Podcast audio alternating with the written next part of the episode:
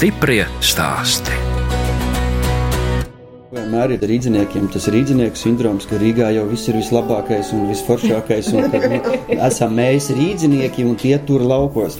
Un tad eh, tas mūsu pārsteigums bija tāds, ka ļoti daudzās sfērās mēs redzam, ka patiesībā ir otrādāk. Šeit gan ceļus tīra ātrāk un labāk. Ja mums garciemā bija regulāra situācija, ka nav elektrības, tad nu, kas tad te būs? Te vispār jādzīvo ar petrolejas lampām.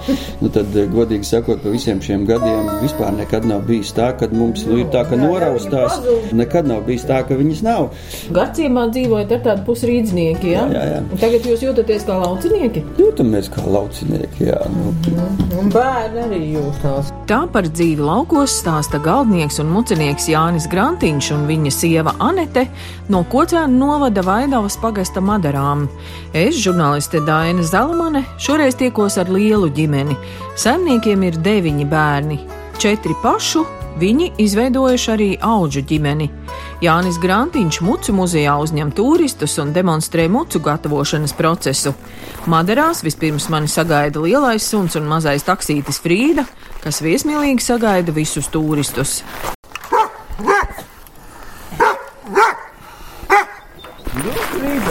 Ciemiņi. Tā mums ir turistu sagaidītāji. Viņi savāž autobusu, tad, kad autobus jau ir pie pagrieziena, tad viņi zina, ka būs riet? mīlestība. Nē, tad viņi iet un luncinās un sauc mani, ka to bija jau būs. Nu, nemaz neizstāsta tāda dikti nobarota. Tas tagad ziemā, tā kā viņi sagaida turistus, viņi šī tāda, tā kā viņi pavada turistus, tad viņi divreiz garāk. Grantiņu ģimene dzīvoja Garciemā, bet gribēja nopirkt lauku māju cēsu pusē. Tomēr liktenīgs izrādījās sludinājums, kuru pirms deviņiem gadiem saimnieki atrada internetā. Tā 4. maijā es kā šodien to situāciju atceros, kad eh, kāpjot gultā paņēmām kompīti līdzi, saku, un vēl ar tādu sarkasmu, saku, nu labi, nu gribi pasapņot, nu pasapņosim. Mēs skatījāmies ceļus un sapratām, ka tur nekā nav. Un es saku, paskatāmies valmeni. Tā kā izkrita šī māja, tad eh, tiešām nu, bija tā, ka nu, jau tas pirmais skats iepatikās, un tad 4. maijā izlasījām, tad 5. mēģinājām sazvanīt, bet neviens necēla trubu. Un tad 6. maijā man bija pie klienta raganā jābrauc eh, mēbeles mērīt, un es saku, braucam. Nav ne māja nosaukums. Mums ir 800 metri no šosejas, Valmieras rajons un Nu, bildi, kas jau raksta. Nu jā, un tad mēs uz Dūlo braucām. Tālāk jau viss kā anekdotē iebraucām tur, kur Valmieras rajonas sākās. Es sievai saku, es saku, nu tagad tur abas acis vaļā, uzmanīgi jāskatās. Atliek viņai uzlikt brilles, pagriezt galvu. Viņa saka, jā, nu reku tā siltumnīca, kas bija sludinājumā. Piebraucam māju nosaukums Madaras. Tanī mirklī bija skaidrs, ka mums jau nenormāli viss patīk un sapratām, ka dzīvē ir vēl smukāk nekā fotografijā. Tanī brīdī vecākajam bija tieši 18, un tas jau mums bija deklarējis, ka viņš pāķos nekad nedzīvos, lai mēs pat nesapņojam.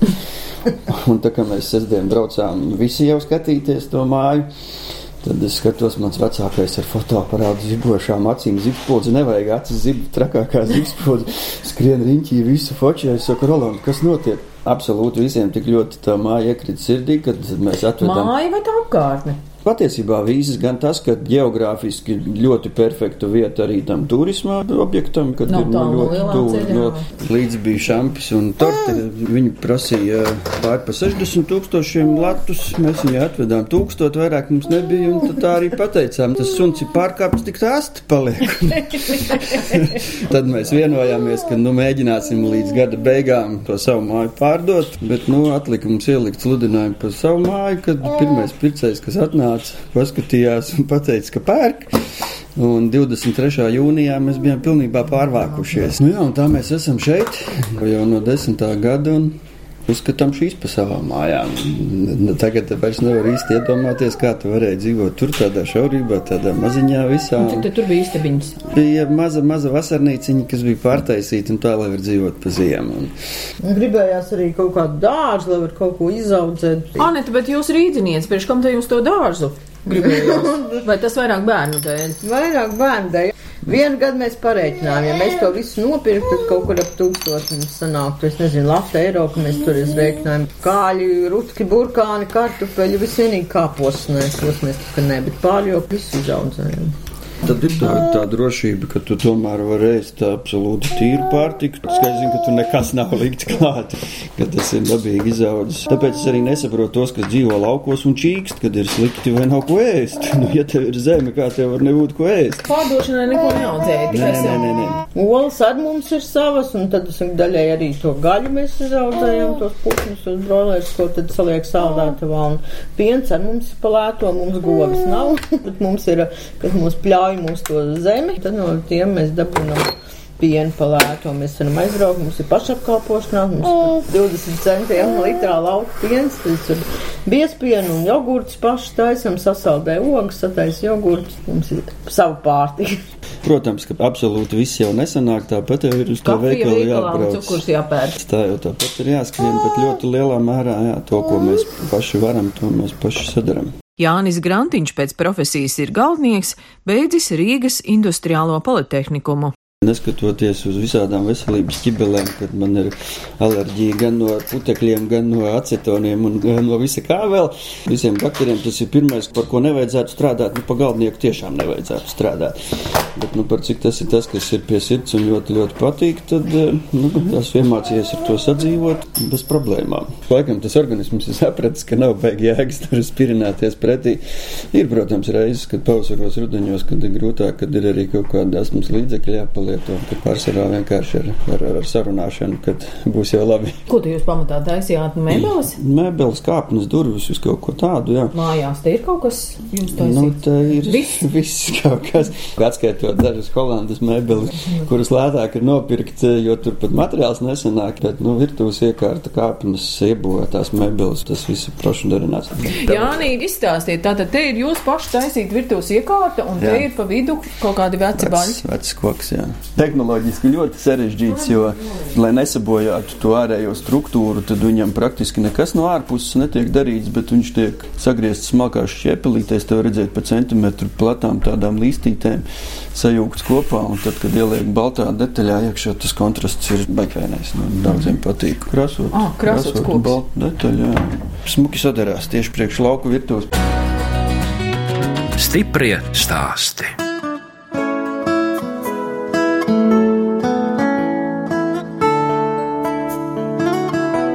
Jūs klausāties raidījumu stipri stāsti. Šoreiz ciemojos Kocēnu novada Vaidavas pagasta madarās pie Jāņa un Anitas Grantiņiem. Savu uzņēmumu Jānis nosaucis par dzīves prieka akadēmiju no Liela Mūža. Saimniekiem ir arī viesu māja un pirts, ko izmanto vasarā. Kopā ar Jāni dodamies uz Mucu muzeju, paša celtu apaļu ēku ar lieliem stikla logiem. Kad Jānis apliek lielo priekšautu un uzliek galvā salmu cepuri, Tanī brīdī es kļūstu par mucu Jāni. Tanī brīdī man uzvārds vairs nav. Un arī jau, kad es zvanu, es jau reizēm stādos priekšā kā mucu Jānis. Jo Latvijā mēs mucinieki esam palikuši ļoti, ļoti, ļoti maz. Tā mūsu misija ir saglabāt to amatu, rādīt citiem. Ir vairāki puiši tādi, kas priekš sevis ir gribējuši apgūt un sapurnost. Izdodas, atbrauc, iemācās. Tā kā cerams, ka tas amats arī saglabāsies. Jānis Grantiņš mucinieku arodu pirmoreiz redzējis kādā televīzijas raidījumā. Dzīve piespēlējusi izdevību šo arodu apgūt. Tā doma tika augšā palaista, ka tas ir nākošais vēlmju sarakstā. Un Kā jau es saviem turistiem saku, esiet uzmanīgi no savām vēlmēm, viņas visas piepildās. Jo viņa tev ir patiesāka un priekš tevis vajadzīgāka, jo viņa ātrāk piepildās.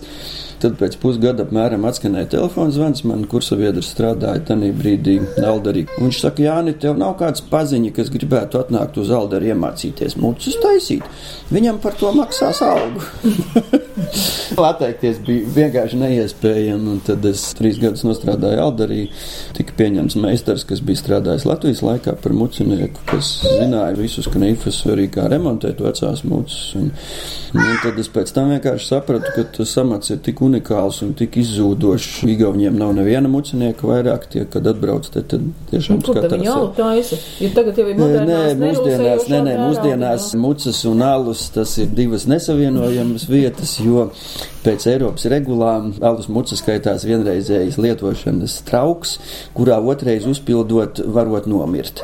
Bet, nu, protams, līdz ar to alus darītājs nav mūsu klientu pārsvarā. Bet vīna darītavās es esmu redzējis. Jā, jā, vīna darītavās ir un šobrīd ļoti daudzi prasmīgi cilvēki māk mājās kaut ko iztecināt. Un tad, ja tādu šķidrumu notur ozolkoka mucā, tad sanāk absolūti cita līmeņa atkal produkts un stiprāks un labāks un garšīgāks. Un par cik to mucinieku praktiski nav, tad visu laiku pietiekoši aptēties. Mums praktiski visu laiku stāv tādu zināmu rindiņu. Mēs uztaisam, uztaisam un ar katru gadu cenšamies vairāk, bet vienalga nespējam, ka stāvētu, kad jebkurā brīdī var pazvanīt un paņemt. Bet jūs taisat vienalga, cik liela tā muca, tur tie parametri dažādi? Nu, standartā mēs taisam mazos izmērus, tas ir 5, 10, 20, 30 litri. Nesen te taisījām 20, 100 litrīgas mucas. Tas, kas ir nepieciešams, nu, to mēs arī taisam. Mucu muzejā Jānis kurina krāsniņu, jo gaida viesos turistu grupu. Krāsniņa arī apsilda grīdas.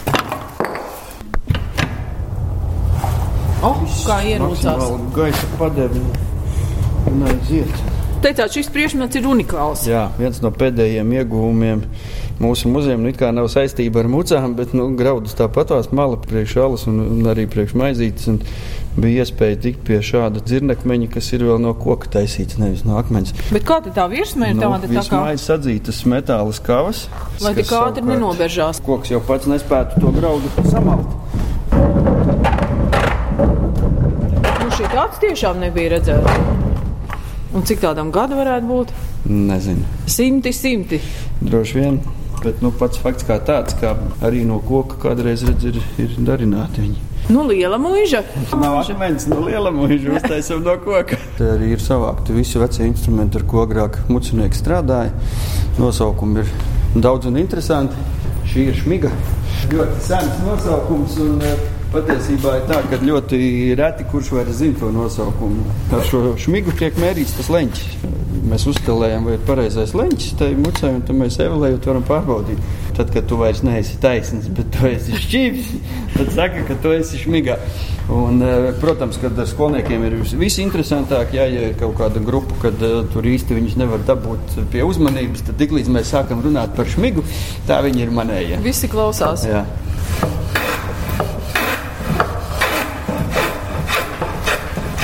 Tā, un tagad jūs ievēlējat dēlīti. Jā, sagatavi, sagatavi, kas būtu muciņas sastāvdaļa, tiek saukts par mucu galdiņu, un evelē viņu uz šīs te lielās fūgēveles. Un tas evelēšanas process ir pilnīgi atgādns. Ja galdnieks eh, iespiež detaļu un tad ar ēveli brauc pāri detaļai, tad šeit ir otrādi. Ja tad mēs to detaļu turam rokā un to detaļu braukājam pāri ēvelē.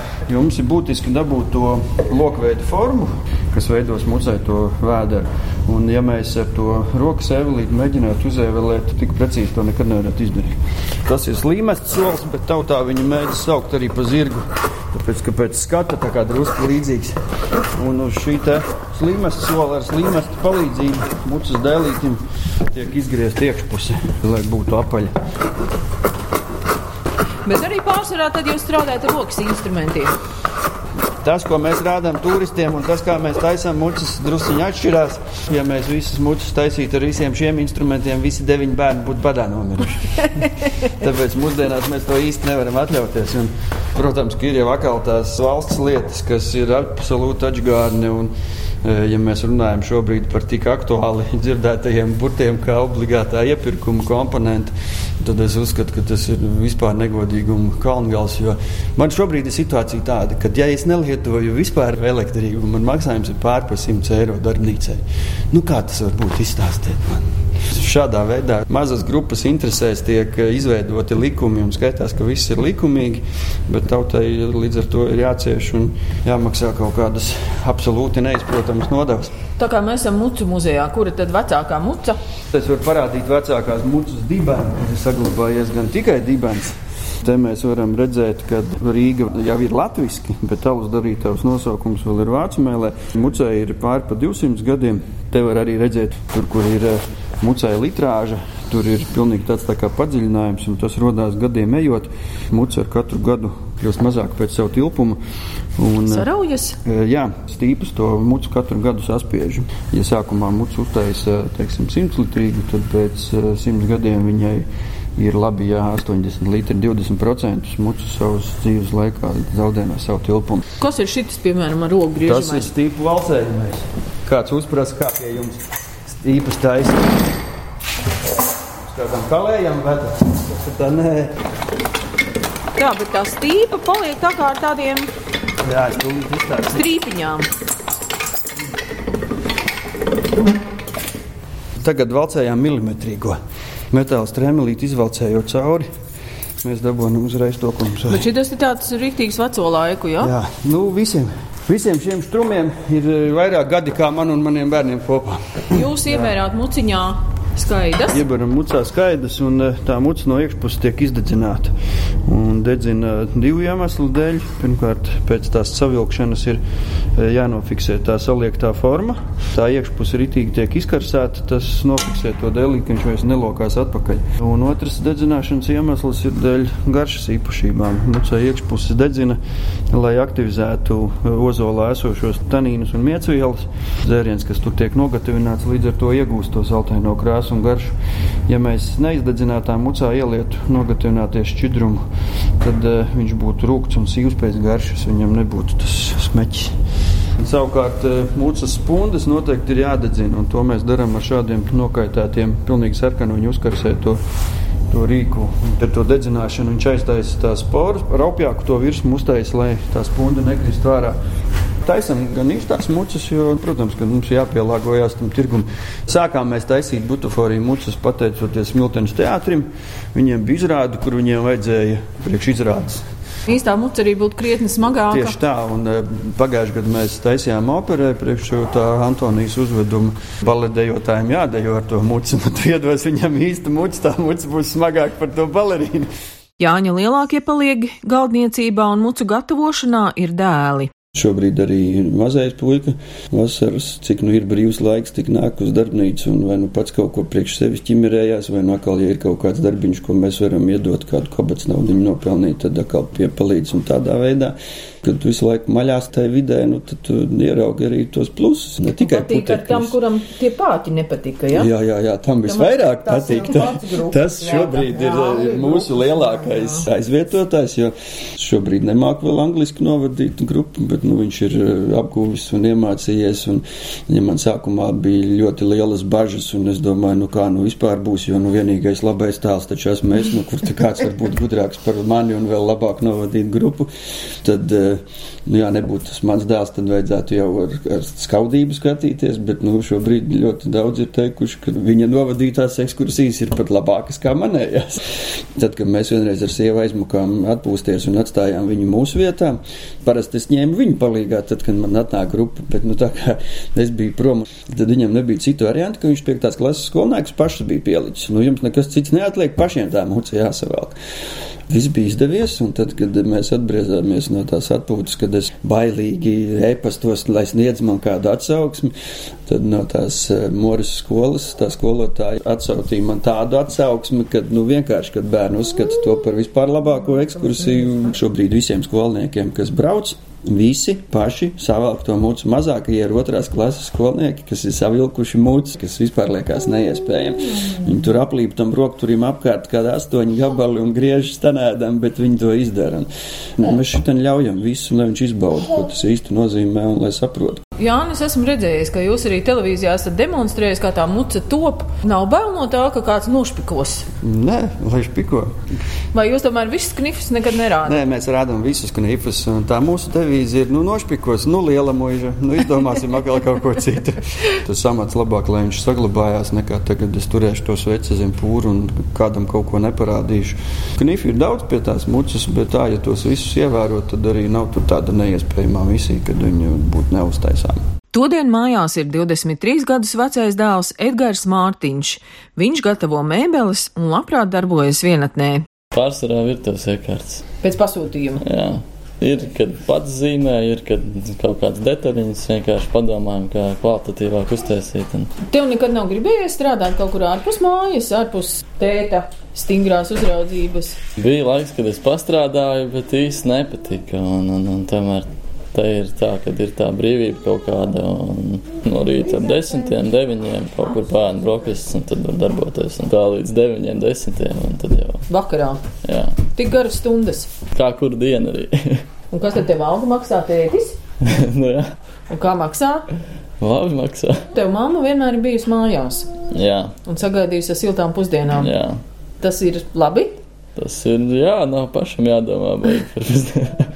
Tad tu neko ēst nemāki taisīt. Nē, es māku, es strādāju arī veģetārijā kafejnīcā vienā brīdī. Bet uh, mamma ir tāda, kas baigi nelaiž arī klāt nevienam citam. Viņa labāk uzņemās to. Ja manis nav, tad viņam tas patīk. Tas, ka ģimene no garciem pārcēlās uz šejieni, tas tev tā kā patika vai nepatika. Nu, sākumā nepatika, bet tagad sāk lauka vairāk patikt nekā pilsēta. Miers un kaut kā tā sajūta, ka nav nekur jāskrien un, un, un vairāk kaut kā jūt sevi, kā dabu kopā. Nu, vecākais brālis, es saprotu, jau savu māju gatavojas celt vai jau ceļ. Jā, darbojās ceļu un. Tev var būt savu māju laukos. Kaut kad noteikti būs, jā. Stiprie stāsti.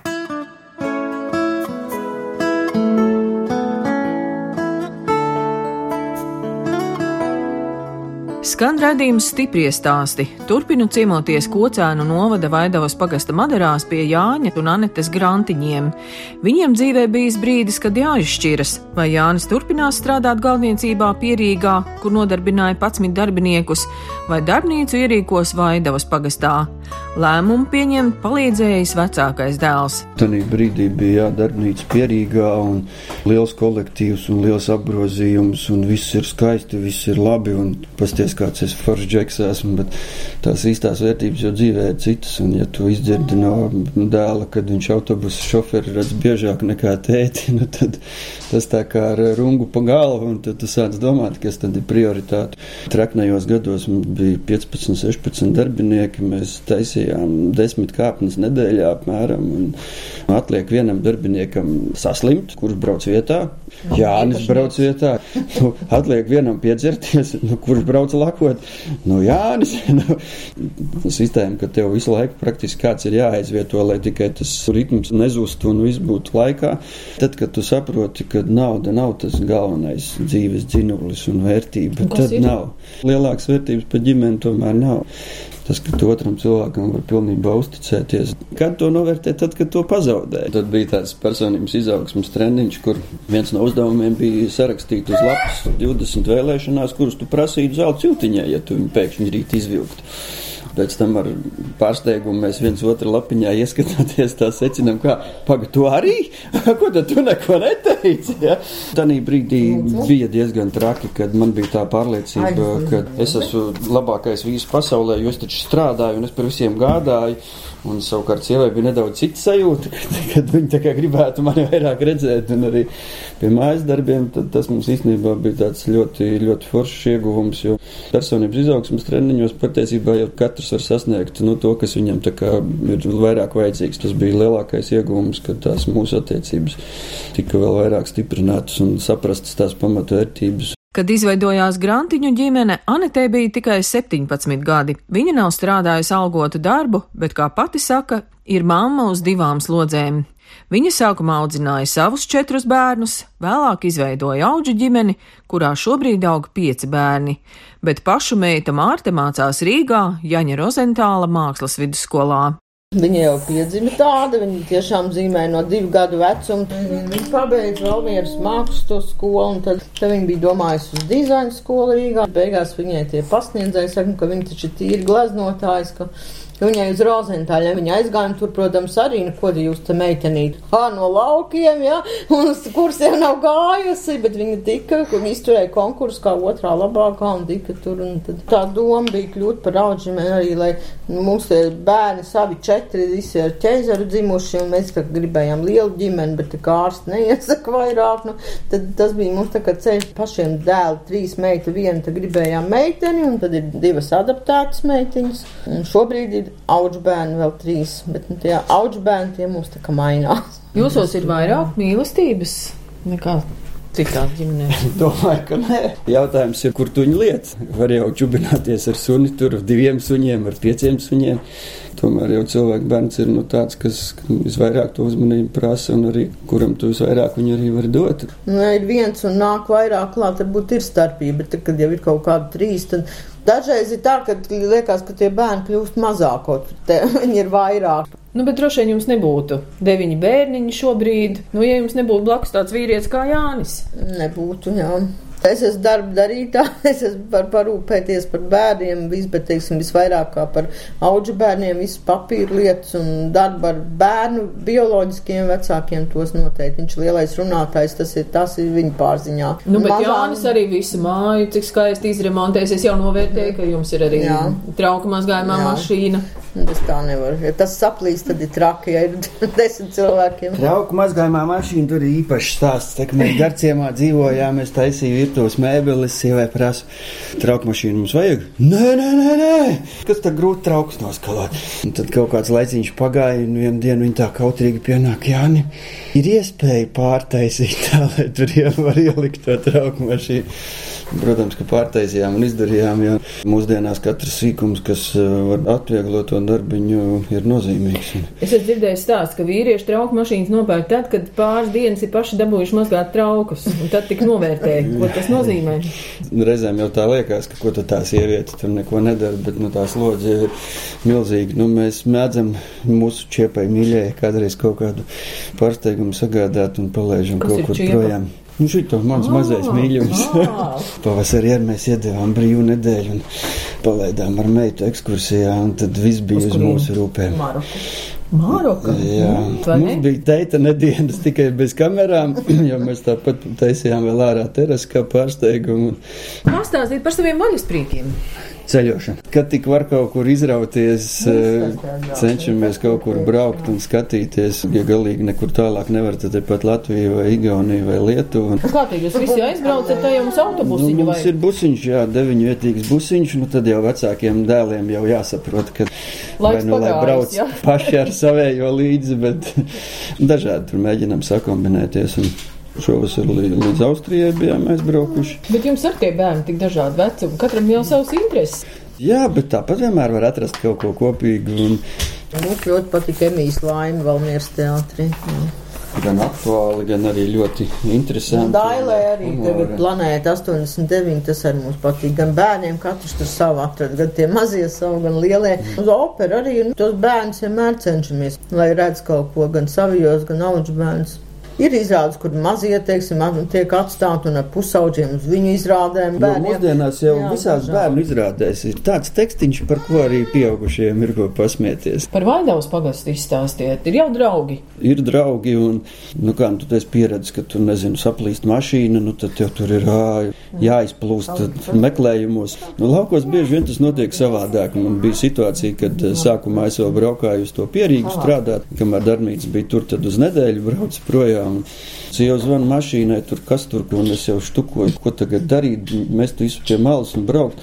Pēkšņi zvan viens kaimiņš, viņš saka, es tā dzirdēju, ka tev tur mašīnai kaut kas ir, es tur aiziešu, apskatīšos. Katrā ziņā tā pretimnākšana laukos ir stipri cita un stipri savādāk. Un, Protams, ka ir jau arī negatīvais, kad visas tankas aiziet ātrāk. Tas cilvēkiem patīk, tur neko nedarīt. Kā jūs atgūstat spēkus? Ejiet pirtī! Ar pirti ir tā, ka mums garciemā bija sava pirtiņa, un te par cik tā pirts ir viesu mājā, tad mums tā aura īsti nepatīk. Šogad mēs ķersimies, lai pašiem savu pirtiņu būtu, nu, kur tiešām tā tāda sveitnīca, nu, kur citus negribās laist iekšā. Tā pati daba jau arī sniedz zināmu atslodzi un relaksācija, aiziet uz ezeru, izslidojās un padzīvojās pāri. Spēles spēlējam ar bērniem, galda spēles. Mūs arī sauc uz daudziem pilsētas svētkiem, dažādiem pasākumiem. Tad mēs ar visu to mucu muzeju, mums ir speciāli piekabu uztaisīta. Mēs saliekam visus tos instrumentus piekabē, un tad visi barā braucam un rādam. Un tad katram bērnam tur ir kāds darbiņš, ko viņš tur var parādīt. Un tā kopīgi tam sanāk vienlaicīgi gan kā atpūta, gan kā darbiņš. Šobrīd tas formāts, kāds mums šeit ir, ka mēs tiešām visi kopā, visi ģimeniski darbojamies, tā ir laikam tā lielākā vērtība. Redījums stipri stāsti izskan, un mēs atvadāmies no mucinieka, galdnieka un mucu muzeja īpašnieka Jāņa Grantiņa. Viņš kopā ar sievu Aneti pirms deviņiem gadiem no Pierīgas pārcēlās uz dzīvi vidzemē. Ģimene ne tikai atjauno viencētu Madaras kocēnu novada Vaidavas pagastā, bet arī izveidojuši auģu ģimeni un palīdz izaugt bērniem, kam pietrūkst vecāku atbalsta. No jums atvedās žurnāliste Daina Zalamana un operātore Inga Bēdele, lai tiktos atkal tieši pēc nedēļas. Stiprie stāsti.